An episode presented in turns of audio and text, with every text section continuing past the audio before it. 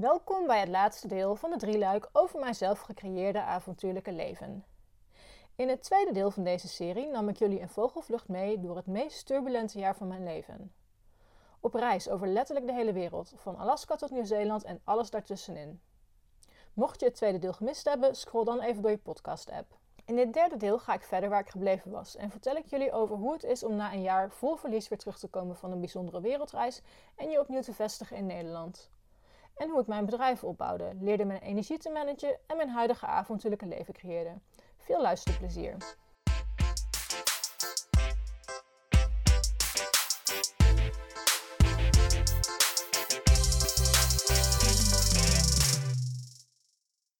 En dan stap je dus op het vliegtuig naar de andere kant van de wereld, terwijl je echt heel erg verliefd bent. Een reis van 24 uur is al lang, maar al helemaal lang als je geen contact kunt hebben met je geliefde. Gelukkig deed mijn aankomst in Nieuw-Zeeland me inzien dat op het vliegtuig stappen de enige juiste beslissing was. Nieuw-Zeeland is voor mij de plek waar ik me thuis voel, waar ik me acuut gelukkig voel zodra ik er ben geland en ik alles beter kan relativeren. Het was inmiddels derde kerstdag en de dame bij de douane, die mijn visum voor drie maanden stempelde, wist me zelfs nog een happy belated birthday te wensen. Dat is ook wel eens anders geweest, want trust me, ik heb vaker met mijn verjaardag gevlogen. De eerste week verbleef ik in Auckland. Op 1 januari zou ik de stad verlaten. Ondertussen was ik druk bezig met het kopen van een auto, outdoor gear en een uitrusting, waarmee ik de komende drie maanden rond ging reizen. Al binnen drie dagen had ik een rode Toyota op de kop getikt, die ik Red doopte.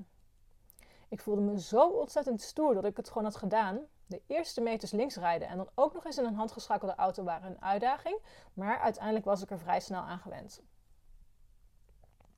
Ik had er altijd al naar uitgekeken om oudejaarsavond door te brengen in Auckland. Gewoon omdat het er op tv altijd zo bijzonder uitziet met dat vuurwerk en zo, terwijl we hier pas halverwege de dag zijn. Ik had echter geen zin in een feestje, want ik had een jetlag en wist mezelf met moeite tot half twaalf wakker te, houden. Het moment waarop ik besloot richting de Sky Tower te lopen, op 10 minuten lopen van mijn appartement vandaan. Eenmaal daar bleken zowel David als mijn broertje live vanuit huis mee te kijken op televisie. Het voelde heel onwerkelijk dat zij thuis zaten te kijken naar het vuurwerk dat zich live voor mijn ogen afspeelde. De tranen stroomden over mijn wangen toen de eerste pijlen de lucht ingingen. Ik keek naar boven en riep: Happy New Year daarboven, pap. Over mijn Nieuw-Zeeland-reis alleen al kan ik een heel boek vullen, maar dat bewaar ik voor een andere keer. In een vogelvlucht kan ik je vertellen dat ik behoorlijk wat toffe dingen deed, maar ook tot de ontdekking kwam dat reizen en werken tegelijkertijd best lastig is. Vooral in Nieuw-Zeeland, waar ik zo ontzettend veel, doen, veel wilde doen en trektochten wilde maken, dat er van werken weinig terecht kwam. Ik kwam in een behoorlijke kramp terecht, waarbij ik non-stop aan het vechten was tegen het stemmetje in mijn hoofd dat zei dat ik moest gaan werken, versus het stemmetje dat zei dat ik erop uit moest trekken. Al snel besloot ik mijn werk maar even te laten voor wat het was en optimaal te genieten van de 2,5 maand die nog voor me lagen. Oftewel uit de kramp en in de relaxmodus. Wat avonturen betreft, ik maakte best wat memorabele dingen mee. Zo kneusde ik mijn enkel nadat ik me verstapte over een steentje. Ben ik bevend van angst over een bergriggel gekropen, op handen en voeten ja. En verdwaalde ik hopeloos op een trek zonder ooit de juiste weg te hebben gevonden. Wat ik ook aan mezelf merkte, is dat ik nog steeds een enorme behoefte had aan rust en stilte in mijn hoofd. En vooral geen mensen om me heen. En toen kwam Marieke uit podcast 0 naar Nieuw-Zeeland. Het is mooi zoals dat gaat bij ons. Net voordat ik naar Nieuw-Zeeland vertrok, zat ik bij haar op de bank. En opperde ze voor het eerst dat ze misschien ook wel naar Nieuw-Zeeland wilde. Nou ja, en zoals dat gaat bij ons, van het een kwam het ander. En een week later zaten we opnieuw op de bank bij haar. En een kwartier later was haar ticket geboekt. Nog eens twee maanden later kreeg ik bericht, bericht via WhatsApp dat ze geland was in Auckland. En een weekje later zou ik haar ophalen in Picton bij de ferry en gingen we samen rondreizen over het Zuidereiland. Ik was al anderhalve maand daar en had de dingen die wij samen gingen doen bewust niet gedaan. Ik keek er enorm naar uit om een bekend iemand te zien. Iemand die al mijn geheimen kent, mijn struggles van de laatste jaren heeft meegemaakt. En iemand bij wie ik gewoon mezelf kan zijn. Eerlijk is eerlijk, onze trip werd geteisterd door slecht weer, annuleringen, omzwervingen en changes of plans. De ultieme herinnering aan onze trip was een bezoek aan de Mullerhut. Eigenlijk zouden we hier overnachten, maar omdat het weer dreigde om te slaan, besloten we van een overnight hike een daghike te maken. Ik kan oprecht zeggen dat het niet beter had gekund en dat het voor Marieke een waardig afscheid van Nieuw-Zeeland zou worden. Dat het dit voor mij ook werd, had ik toen nog niet kunnen vermoeden. Op de weg terug naar Christchurch, vanaf waar Marieke naar huis zou vliegen, kregen we pannen met Red. Uiteindelijk wisten we ons hostel te bereiken, maar ik belde toch maar de EE, de Nieuw-Zeelandse ANWB.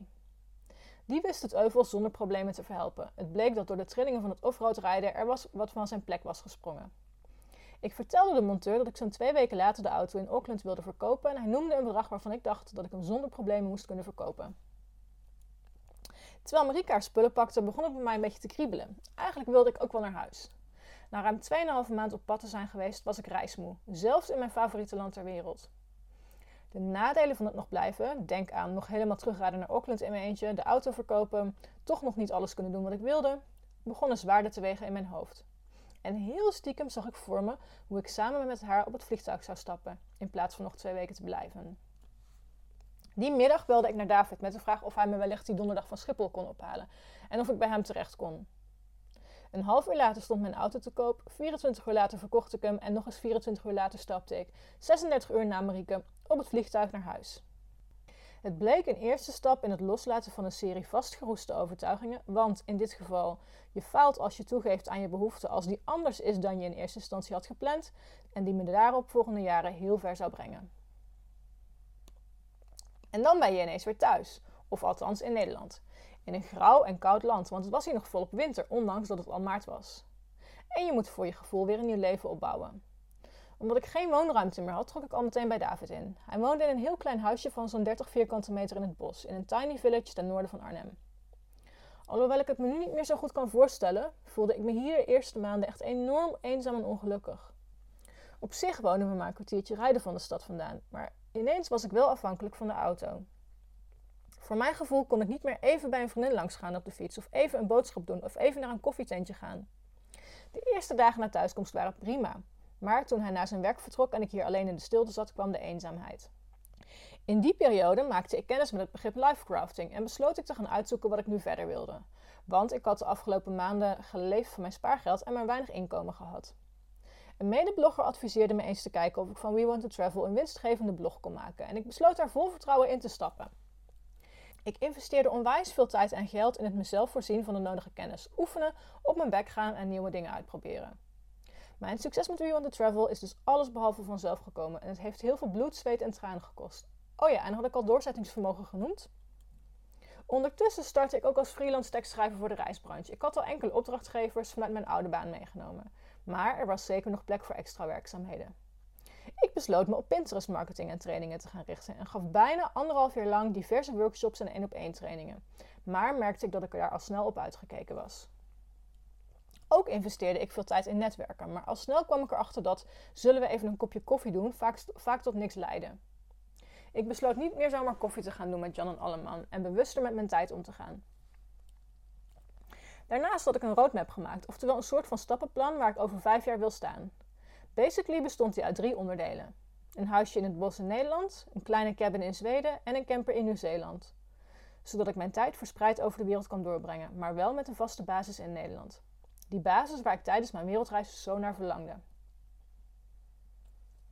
In de zomer van 2018 maakten we een fantastische roadtrip naar Zweeds Lapland en viel ik definitief voor de eindeloze landschappen en stilte van de natuur in het hoge noorden. We liepen twee trajecten van de Koensleden Trail, kampeerden aan stille meren en gingen op zoek naar beren en ander wild. Ook de jaren erna ging ik regelmatig op vakantie in Zweden, soms zelfs ongepland en zelfs een keer in mijn eentje. Zweden bleef roepen en de stilte van de natuur idem dito. Naar Nieuw-Zeeland reis je niet zomaar even. Voor Zweden is het enige dat ik hoef te doen de broodpas, oftewel de pas voor de brug van Denemarken naar Zweden activeren en in de auto stappen. Thuiskomen zorgde er steeds weer voor dat ik heimwee had naar de natuur en het buitenleven. In Nederland ben ik natuurlijk ook veel buiten, maar het is onmogelijk om dagen door de natuur te struinen zonder bebouwing of snelwegen tegen te komen. Begrijp me niet verkeerd, ik hou van Nederland en dan vooral van de prachtige Veluwe, maar ik miste de eenzame landschappen en de roep van de wildernis. Net als het jaar ervoor vocht ik in het najaar van 2018 tegen een burn-out. Het bleek een terugkerend iets waarbij ik inmiddels al vier jaar lang elk najaar een enorme energiedip beleef. En het voelt alsof ik weer terug ben bij af. In 2019 was het zelfs zo erg dat ik twee weken lang alleen maar op de bank kon liggen en duizelig werd van achter de computer zitten. Het was de ergste terugval tot dan aan toe en ik riep op meerdere vlakken hulp in van experts om mezelf weer op de rit te krijgen. Het is niet iets waarmee ik te koop heb gelopen of wat veel mensen van mij weten. Het is echter wel iets wat bij me hoort en waarmee ik onlosmakelijk ben verbonden, die enorme dip in het najaar. In 2020, oftewel het afgelopen najaar, heb ik hem voor het eerst redelijk kunnen ondergaan door mezelf extreem veel rust te gunnen. Oftewel, ik werk maar op halve kracht en lig elke avond zo rond 9 uur in bed. Ik kan daarom ook niet wachten tot de herfst voorbij is en ik weer meer energie krijg om dingen te ondernemen en ook mijn bedrijven weer volop te laten groeien. In de zomer van 2019 bedacht ik me dat het tijd was voor iets nieuws. We Want to Travel was leuk en liep onwijs goed, want ik kon er mijn fulltime salaris uit halen. Maar ik merkte dat ik er weinig energie meer uithaalde. Ik wilde leren, ontdekken, ontwikkelen. En niet alleen maar nieuwe stukjes schrijven en zorgen dat die zo hoog mogelijk scoren in Google of op Facebook. En zo werd de podcast voor avontuurlijke vrouwen geboren. Ik maakte kennis met podcasts toen ik in Nieuw-Zeeland was. En ik vond ze een welkome afwisseling op de muziek die ik naar mijn telefoon had gedownload. En eigenlijk wist ik toen al, ik wil ook een podcast. Ik vind het nu eenmaal leuk om te praten en te vertellen, dus het idee van een podcast maken leek me leuk om eens te doen. Het duurde uiteindelijk zo'n anderhalf jaar tot ik ook daadwerkelijk concrete stappen ondernam. Hoe heb je dat dan gedaan? Is een vraag die me vaak gesteld wordt. Het antwoord is heel simpel. Ik ben het gewoon gaan doen. Oftewel, ik heb een plan geschreven en ben vrouwen gaan interviewen, zonder ook maar enig idee te hebben van hoe dat moet. Het enige waar ik hulp bij heb gekregen is het bouwen van deze website, want daar was ik zelf te lui voor, en het monteren. David heeft ook een podcast en heeft me uitgelegd hoe dat werkt. Als ik terugkijk op anderhalf jaar podcasten, vind ik dat ik al enorm ben gegroeid in mijn rol als podcasthost. Ik heb regelmatig feedback ontvangen van luisteraars en die probeer ik waar mogelijk toe te passen. Daarnaast ontstond eind 2019 de wens om evenementen te gaan organiseren en zo werd de Wandeling voor Avontuurlijke Vrouwen geboren. De eerste editie vond plaats in februari van 2020 en was een onwijs succes. Maar helaas gooide het COVID-19-virus goed in het eten. In de zomer van 2020 mochten Shanna en ik nog enkele wandelingen doen, maar dit najaar zijn alle geplande evenementen geannuleerd. Spijtig, maar het is niet anders. Dat komt wel weer. Sterker nog, voor 2021 heb ik toffe plannen wat events betreft, maar ik wacht even met bekendmaken tot de maatregelen versoepeld zijn. En toen was het dus de COVID-19 waar we nog steeds mee te maken hebben. In het begin voelde ik me slachtoffer van de situatie. Alle plannen die ik voor 2020 had vielen in duigen en dat is voor een controlfreak als ik een flinke uitdaging. Alhoewel ik ook wel weet dat er weinig zekerheid is in het leven, want immers de enige zekerheid die we hebben is dat we allemaal doodgaan, vond ik het lastig dat mijn leven, waar ik zo hard voor gewerkt, ineens omviel. Events konden niet meer, ik had nauwelijks inkomen, we moesten ineens thuiswerken en reizen kon ook al niet meer. Als ik terugkijk op de afgelopen acht maanden, denk ik dat ik me er goed doorheen heb gesleept. Ik heb twee nieuwe websites de lucht in gegooid, ben volop bezig met nadenken over verdienmodellen en heb het lef gehad om We Want to Travel even on hold te zetten tot in het nieuwe jaar omdat de energie even niet meer goed voelde. Ik besteed bijna de helft van mijn tijd aan wandelen en buiten zijn. Gewoon omdat het kan. En omdat twee uur per dag extra achter de computer zitten me absoluut geen leuke mens maakt. Ik had als ondernemer zeker meer kunnen doen, meer kunnen maken en meer kunnen ontwikkelen, maar weet je, het is goed zo. Van heel veel werken is nog nooit iemand gezonder geworden. Het kostte me echt jaren om dat in te zien, maar ik ben blij dat ik deze realisatie ook daadwerkelijk durf toe te passen. Op het moment dat ik nu voel ik wil naar buiten, dan kan dat in de meeste gevallen gewoon. Ik hoef aan niemand verantwoording af te leggen over hoe ik mijn tijd indeel en wat ik doe in mijn vrije tijd. Hoe ouder ik word, hoe belangrijker ik vrije tijd ook vind. En hoe meer behoefte ik daaraan heb. Ik heb geleerd bewuste keuzes te maken op het gebied van waar ik wel en geen energie aan wil besteden. Ik heb afscheid genomen van dingen die mij niet langer dienen en besloten stappen te zetten die mijn toekomst verder richting geven. Ik heb geen idee wat 2021 voor me in petto heeft. Het enige dat ik weet is dat ik in januari ga verhuizen naar mijn eigen plekje. Een plekje voor mijzelf in het bos waar ik me kan terugtrekken als ik dat nodig heb en thuis kan komen wanneer ik op avontuur ben geweest. 2020 heeft me in ieder geval heel veel doen inzien en me geholpen het leven een stukje lichter te maken. Alhoewel ik ook mijn uitdagingen heb en soms als het wel op de bank hang in mijn pyjama, denk ik toch dat ik van 2020 het best mogelijke gemaakt heb. Mijn belangrijkste leermoment was dan ook dat de enige die verantwoordelijk is voor je eigen geluk jijzelf bent. We maken allemaal rotsituaties mee en krijgen de ene na de andere uitdaging voor de voeten geworpen. Het is echter aan jou hoe je met die situaties omgaat. Dit wordt dan ook mijn motto voor 2021. Vanaf medio december ben ik een maand met vakantie en ga ik zoveel mogelijk offline. In de tussentijd probeer ik af en toe een podcast te releasen die nog klaar stond. Houd daarvoor de website in de gaten. Voor nu wens ik jullie allemaal hele fijne feestdagen en tot volgend jaar.